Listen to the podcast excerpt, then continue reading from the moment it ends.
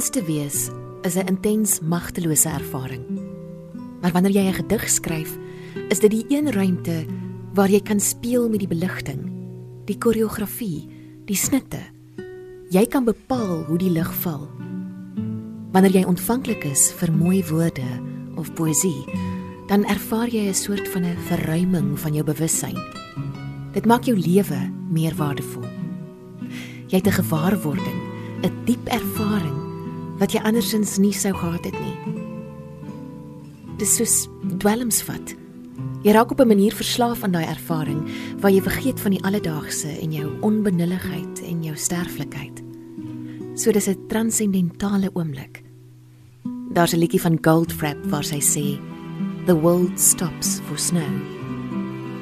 As jy dit kan regkry, daai oomblik waar iemand vir 'n oomblik werklik net stil staan, dan is dit fantasties.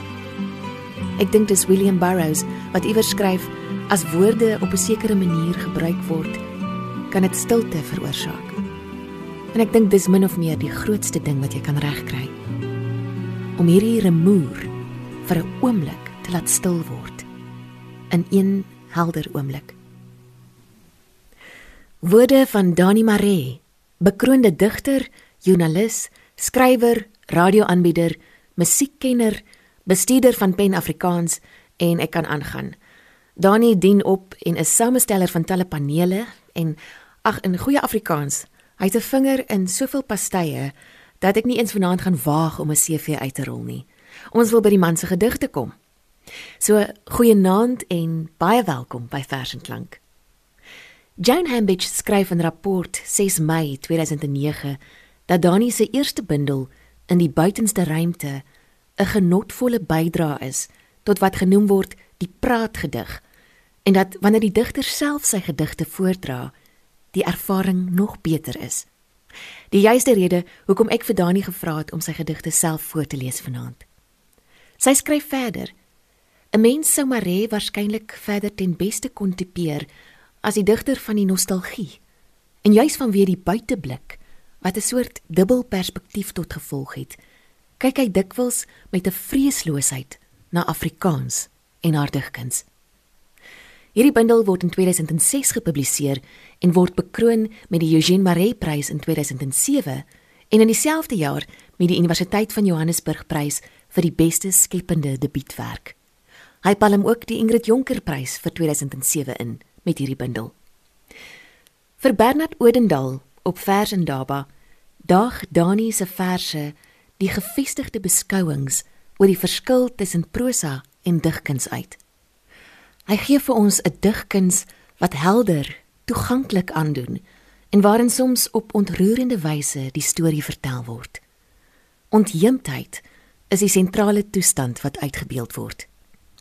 Daniel Hugo skryf in 'n era van kort liriese uitbarstings bestaan Maree se werk grootendeels uit langerige praatverse. Verder is Maree die eerste van 'n jonger geslag expats wat hulle buitelandse ervaring poëties verwoord. Die verhalende gedigte wat aan prosa herinner, verhef dikwels 'n skets uit die alledaagse lewe tot poësie. Dit verhef ook alledaagse spreektaal tot poësie. Ons gaan vanaand luister na enkele van Dani se gedigte wat nie in een van sy bundels verskyn nie en waarvan etlike nog ongepubliseerd is. Hy gaan begin met die gedig Wat is daar hier? Dit het verskyn in New Contrast 179 volume 45. Wat is daar hier?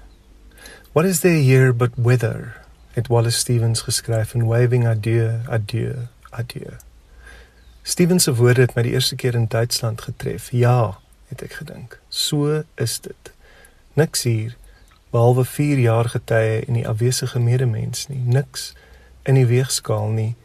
So is die lewe na die dood geborge niks behalwe die klank van cappuccino masjiene en Duitse duitjies en daitjies nie. Niks oor behalwe skinder nie. Al genade is om jouself so stadig moontlik op te lewe. Maar dit was net 'n droom van 'n Wes-Europa voor die sondvloed vlugtelinge, 'n saai depressie in slow-mo 20 jaar gelede. 20 jaar later, terug in die onderste Boland, het almal bang geword vir die weer wat so verander. Die vier versteurde jaargetye gaan verward verby die verkeerde klankbaan vir die verkeerde fliek. Niemand kan meer tussen die spesiale effekte van globalisering vooruitgang en verval onderskei nie. Die korrupte son brand al feller, die seevlak styg stadig, maar vinniger as die posdiens tog seker soos 'n uitsettingsbevel van God.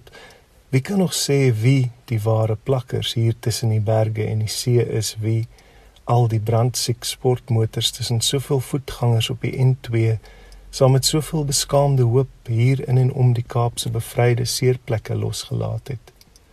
Hier brand die weer soos die mense hier vrek die vier seisoene ook nog een van die dae aan blootstelling terwyl 'n vet prosie argelose veldie vang langs die afrit na die highway through hell en die Kamasero verseile van Cape Town Film Studios en my dogtertjie vra wie se beeste loop hier pappa wat is daar inderdaad hier behalwe die verdwaalde beeste, arm en ryk plakkers. Ek en klein Lia 7 vrolik op pad na die pikkewyne by die Kaapse akwarium saam met al die ander toeriste van die laaste dae. Dani Maree vertel aan Ronel Nel in Beeld 30 November 2006 dat deur Duits te studeer, hy kennis gemaak het met die Duitse digter Rolf Dieter Brinkmann wat 'n kragtige invloed op sy uitkyk van die digkuns gehad het. Ek glo soos Brinkman dat 'n mens liefs van abstraksie en retoriek moet wegbly as jy wil dig. Ek stem ook saam met sy siening van 'n geslaagde gedig as 'n goeie snapshot wat 'n direkte biologies voelbare impak op die leser moet maak. Ek hou daarvan as 'n gedig al het dit dalk oor maande ontstaan, spontaan en ongekunsteld klink. Op 'n ander keer skryf hy om in 'n ander taal te leef en te werk beteken om na jouself te moet luister in 'n weergawe wat nie noodwendig jou eerste keuse is nie. Aan die ander kant help dit jou om uit te vind watter dele van jou onlosmaaklik met 'n ander taal en plek verstrengel is. Duits en Duitsland het my vir die eerste keer laat besef hoe Afrikaans ek is. En so gepraat van 'n goeie snapshot Kom ons luister nou na die volgende gedig in die akwarium onder ons. In die akwarium onder ons, binne God se blou lava lamp, gool die kleure en vorm psigedelies tot die droom donker wending neem in die dooie oë en tentakels van afsydige diepsee dinge. 'n Bende pylsterte en 'n sonvis hou jou om en om dop soos veiligheidskameras van 'n ou see heks in die I&J Predators tank. Jy moet vis lees en water grondiger begryp om vrede te hê hier tussen die wier en spooke van beweging. Enorme spinnekopkrappe en ander nagmerries van tyd stap stadig oor die bodem van bodems terwyl rooi anemone sing in die primordiale poel. Daar is vryheid in die koue verstaan waar jy vandaan kom. Rus in hierdie arms. Hoekom uitstel of weifel? Maar ek kies koers na die lig van die kaartjieskantoor en die curio shop. Buite dobber die strate van Kaapstad, fotogenies op die ongemerkte grafte van slawe. Hier haal ek makliker asem. Onder water is geen plek vir 'n sentimentele roofdier nie.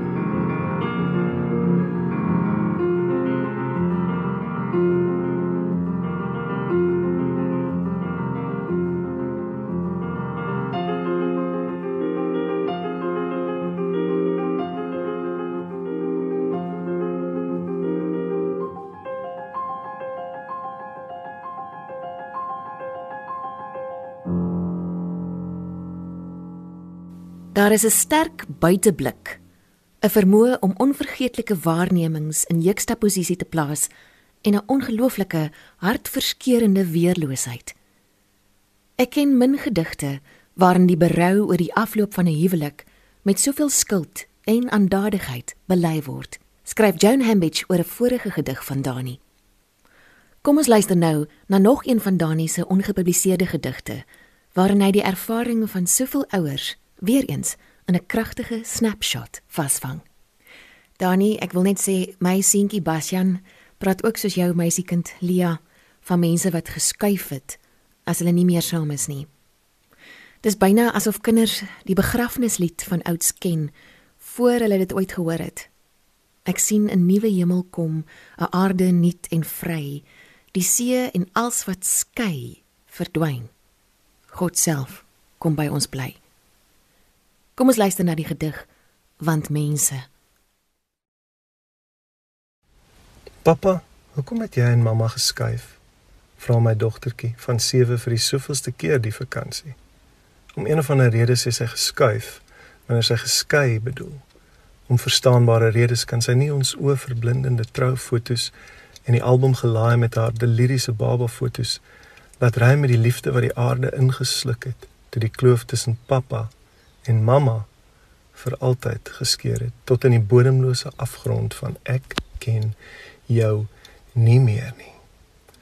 Sy was 3 toe ons uitmekaar ontplof het. Sy kan nie die rof stoei in die kombuis, die skieterye aan tafel, die gapende vleiswonde by ontbyt onthou nie. Sy sal nooit nou kan verstaan hoe desperaat haar ma weer begeer moes word nie. Ek wil antwoord in die stem van die God wat die hemel en aarde so mismaak het wat man en vrou so lewend in Lego kastele en hophuise verbrand. Ek wil bulder. Kind, kan jy dan nie sien nie? Die superape wat Beckett opvoer om na vloeie en astraal bevomfaaide siele te soek. Die bobbejane wat deur die taal wat hulle gemaak het tot 'n absurde skattejag in die Melkweg vervloek is. Die basterbrakke van Shakespeare in die Ou Testament.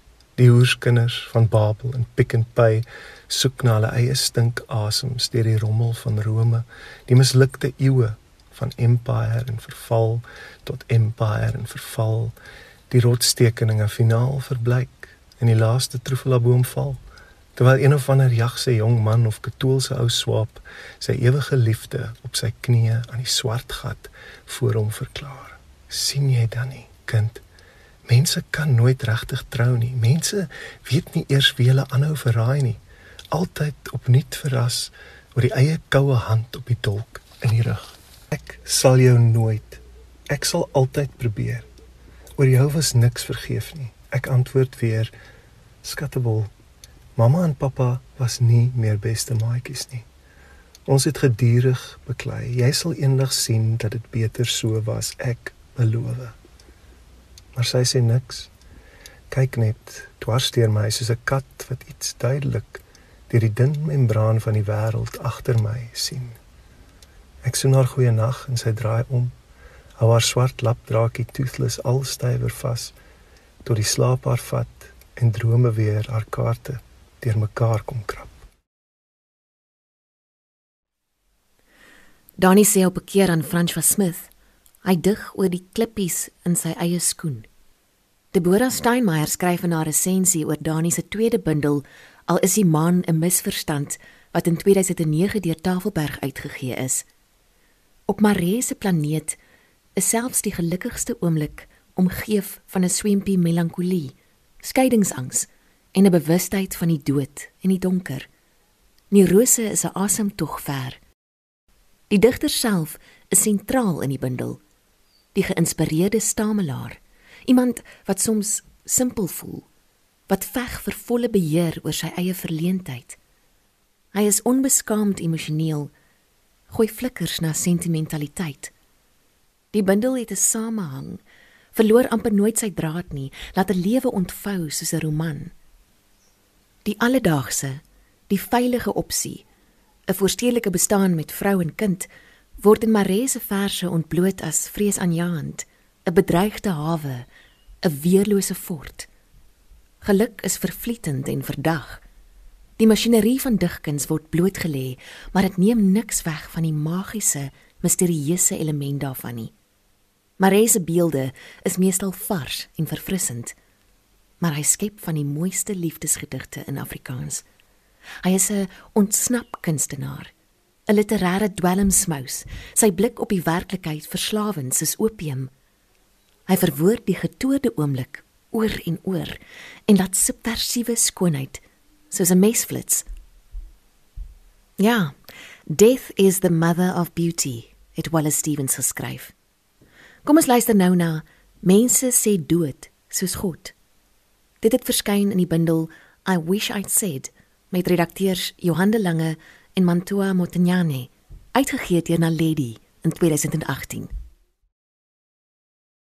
Mense sê dood soos God.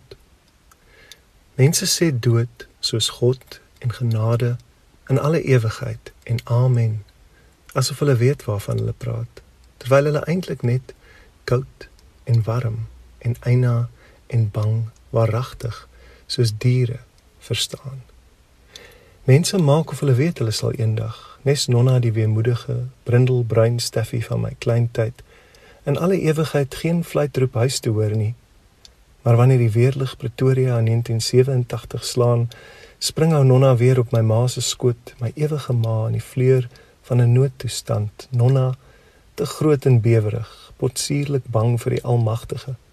Ook al sit sy so op my ma se warm skoot. Mense sê dood en God gelate. Want almal praat vertwyfeling. Vlot.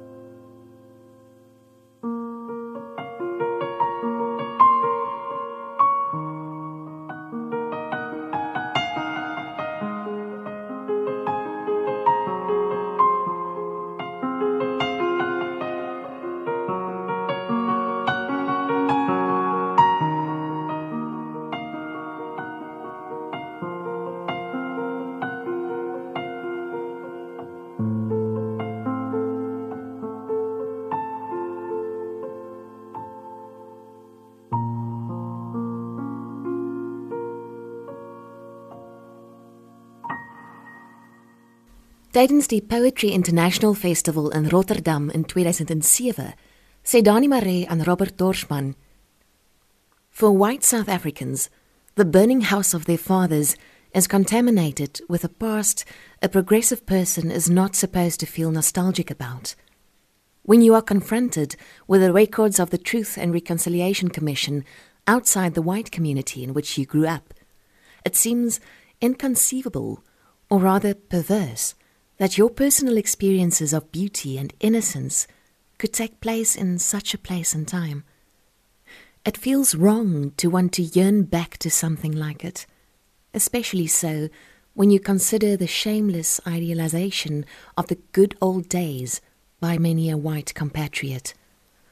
From a politically conscious angle, every picnic in those days, every romance and every cherished memory appears a product of reckless white apathy. Kom ons luister nou na die gedig Voelvry in die suburbs. En met so 'n titel hoef ek seker nie te waarsku nie. Daar's 'n kras woord in, iets wat Dani gewoonlik tot die minimum beperk en omseil. So dan moet jy weet. Dit het verskyn in Vrye Weekblad 3 Mei 2019. Voelvry in die suburbs. Ons ry nie 'n BMW nie. Ons sal jou nie heeltemal fokol gee nie. Ons sweet in 'n promosie relegasie wedstryd iewers tussen weelde en ellende.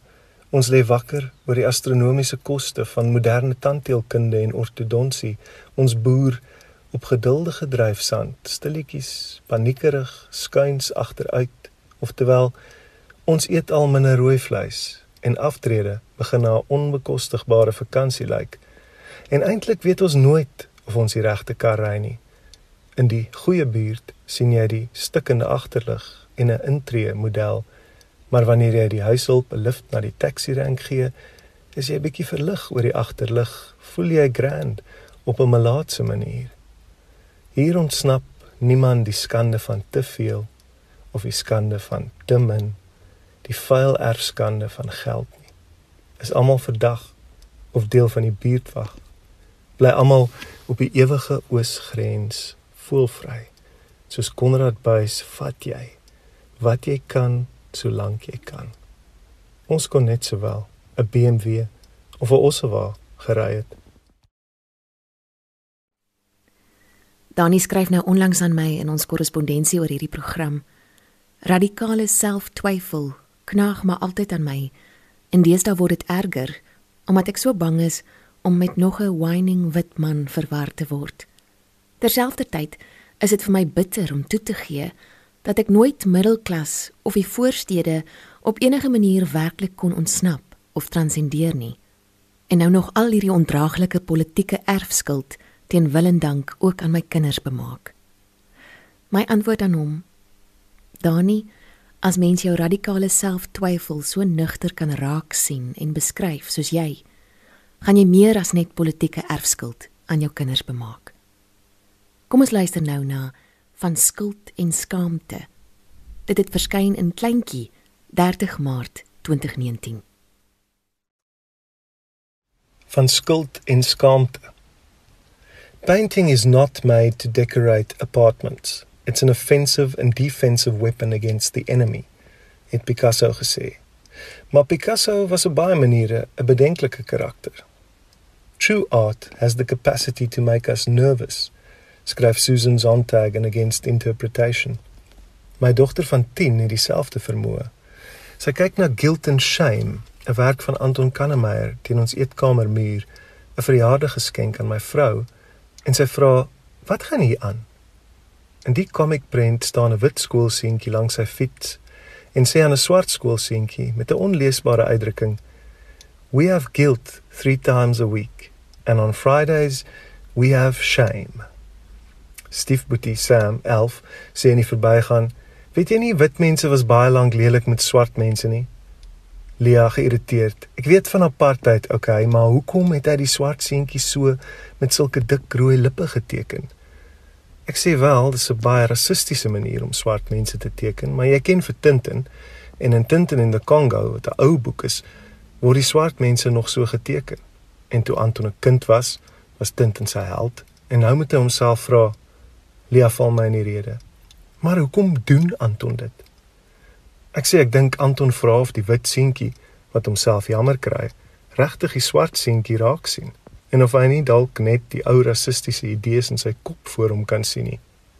En nou kyk Lia benard na my. Verstaan sweetness hoe hierdie storie werk? Vra sy. En daar gaap die sinkgat waarop ons klinkersteenhuis gebou is oop.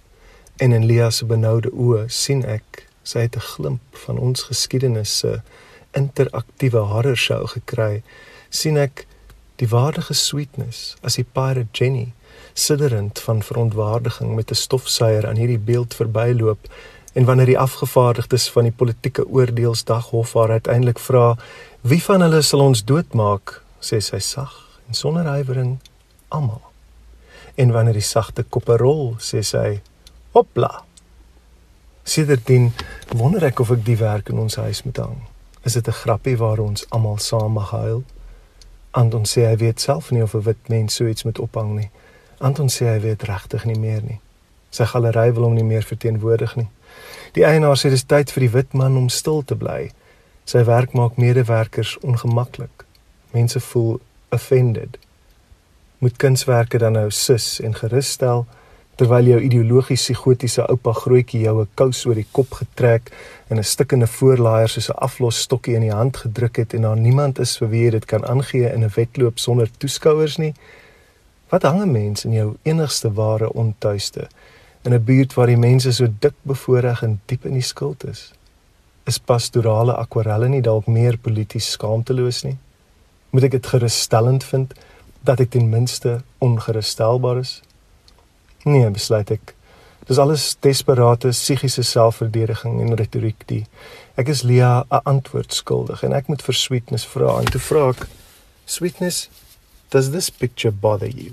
En ek verduidelik volspoed Woody Allen hoekom ek vra en hoe ek vir Lia probeer verduidelik het hoe ek die storie verstaan en terwyl sweetness langs my na die kunswerk kyk sien ek met groeiende kommer hoe sy saggies hardop duidelik die eerste keer die woorde van die wit seentjie lees. En toe sê sy saaklik, soos iemand wat haastig is en werk het om te doen en beleefd wonder hoekom ek haar met hierdie nonsens geplaat. Nou, it doesn't bother me. Maar tog bly ons 'n oomblik onpylbaar langs mekaar staan. Twee galerybesoekers, onseker wat ons voor ons, tussen ons of agter ons sien.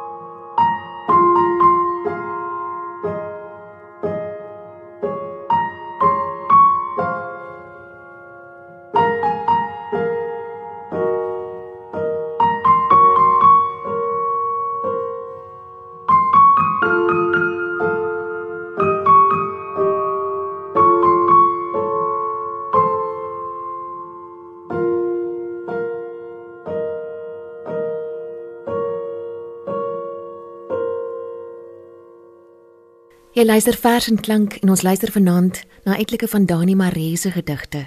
Dani wil nooit dat hy as 'n spokesperson van enige spesifieke groep of klaspersone kan optree nie, want hy skryf veral om sy eie gevoel van magteloosheid te probeer verstaan en vrede daarmee te maak. Hy skryf: Wanneer ek by die radio werk of ek is 'n pa of ek is by 'n skoolvergadering of wat ook al, voel ek verplig om 'n sekere standpunt te verteenwoordig. Maar in die poësie is daar niks wat my dwing om enige standpunt in te neem nie. Kom ons luister nou na die laaste gedig van die aand. Een van Dani se mees onlangse gedigte. Dit kom uit die artikel Dag 16: Quarantainketting, dowwe paniek en onwerklikheid in die Eikestad Mall. En dit het verskyn op Litnet 11 April 2020. O, die sentimentele roofdiere. Charles Bukowski het iewers geskryf: "A poet needs pain like he needs a typewriter." Maar niemand gebruik meer 'n tikmasjien nie. En ek is nie seker of ek Bukowski reg onthou nie. Google haal haar skouers op oor daardie klaarblyklik onklassieke lowbrow beat gedagte. Maar ek onthou daardie apokriewe boodskap so goed as vir destyds direk gerig was om my te herinner my gepoetste pyn deeg darm vir 'n bietjie poesie my pyn is so half universelerig want ek is die gewone ou, die klein man, geskik om 'n onmerkwaardige, onvooringenome ek soos 'n sonde, 'n pylstif, 'n voelstafie deur die binneste duisternis, deur die derms van blinde gevoel en metafisiese verlange te jaag op soek na daardie enigste gedig, Leonard Cohen se The Only Poem. Daardie gedig wat jy soos Leonard leer skryf wanneer jy nie kan slaap nie en jy niks en niks jou kan bykom nie. Die een gedig wat net jy kan skryf vir iemand soos jy om te lees in 'n diep onderwater nag soos die wanneer jy met seekat arms gryp na suiwer woorde maar arms vol soutwater aan jou bors druk terwyl dit lyk of jy wyf na 'n leesaal aanderkant die akwarium glas. Deesdae as ek diep onder die verlammende indruk daarvan dat ek vir mense soos ek skryf, mense wie se dae getel behoort te wees, mense wat aan soortgelyke vetgevrete skete ly, sentimentele roofdiere, skandale goed beloon net omdat hulle opgedaag het in die regte huis, gebou op onreg, so oud soos hepsig en vrees, 'n huis omhei met weermagte en intelligensiedienste, befonds met die plundertogte van eeue verdoesel deur waansinnige idees wat tot onmerkbergsame klein koninkryke gestol het waarvan die dekadentste patrisiërs in Rome nie in hul wildste orgies kon droom nie. Deesdae voel ek in my darmes op nagte soos die hoe luks en sag die tuin om my lê. Hoe uitspattig ons middelklas tuinmeubels in die maanskyn skyn heilig kringetjie hou langs die blink swart altaar van die Webber waaruit die rook van dooie diere naweke krul maar die offers geen gode meer behaag nie. Die voorstede 'n uitgestrekte Versailles met 'n helder uitsig op die blikhuise op bloederige knieë teen Papegaaieberg op. Deesdae voel my pyn al minder geldig. Skryf ek daardie een gedig oor en oor nag na na nag net vir jou wat ook bang bang wens jou oneerbare lewe sal gespaar word wanneer bevind word Jy was geen besonder goeie mens nie. Jy wou maar net klou waaraan almal klou, net nog 'n voetnoot soldaat tot die blinde bloedige mars van die geskiedenis. Deesdae weet ek my naggedig is afstootlik vir almal wat nie meer in gepoeierde burgerlik boetvaardige woorde in die plek van huise en harde kontant belangstel nie. Deesdae eindig my naggedig vervaard in 'n kinderlike gebed in die wind om my kinders ontwil mag die sondes van hul vaders vergewe word deur mense wat beter is as wat mense is. Maar wanneer ek terugkeer bed toe en warm agter jou inkruip, jy wat my oortuig het bullshitloos, is die mooiste semi-Afrikaanse woord. Wanneer 'n nag soos die my terugspoel teen jou sagte kuslyn aan, weet ek vir jou en hierdie huis kan ek moer soos my voorgeslagte gemoor het.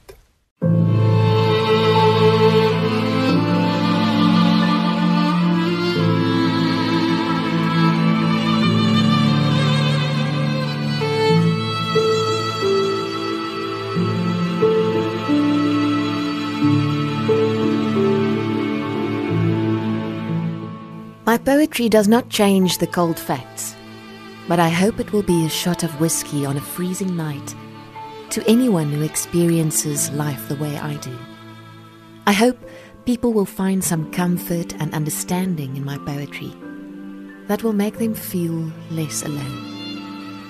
'n Soopie whisky op 'n vriesende aand inderdaad. Dankie Dani Marie. Veral as 'n mens lank sonder dit op was.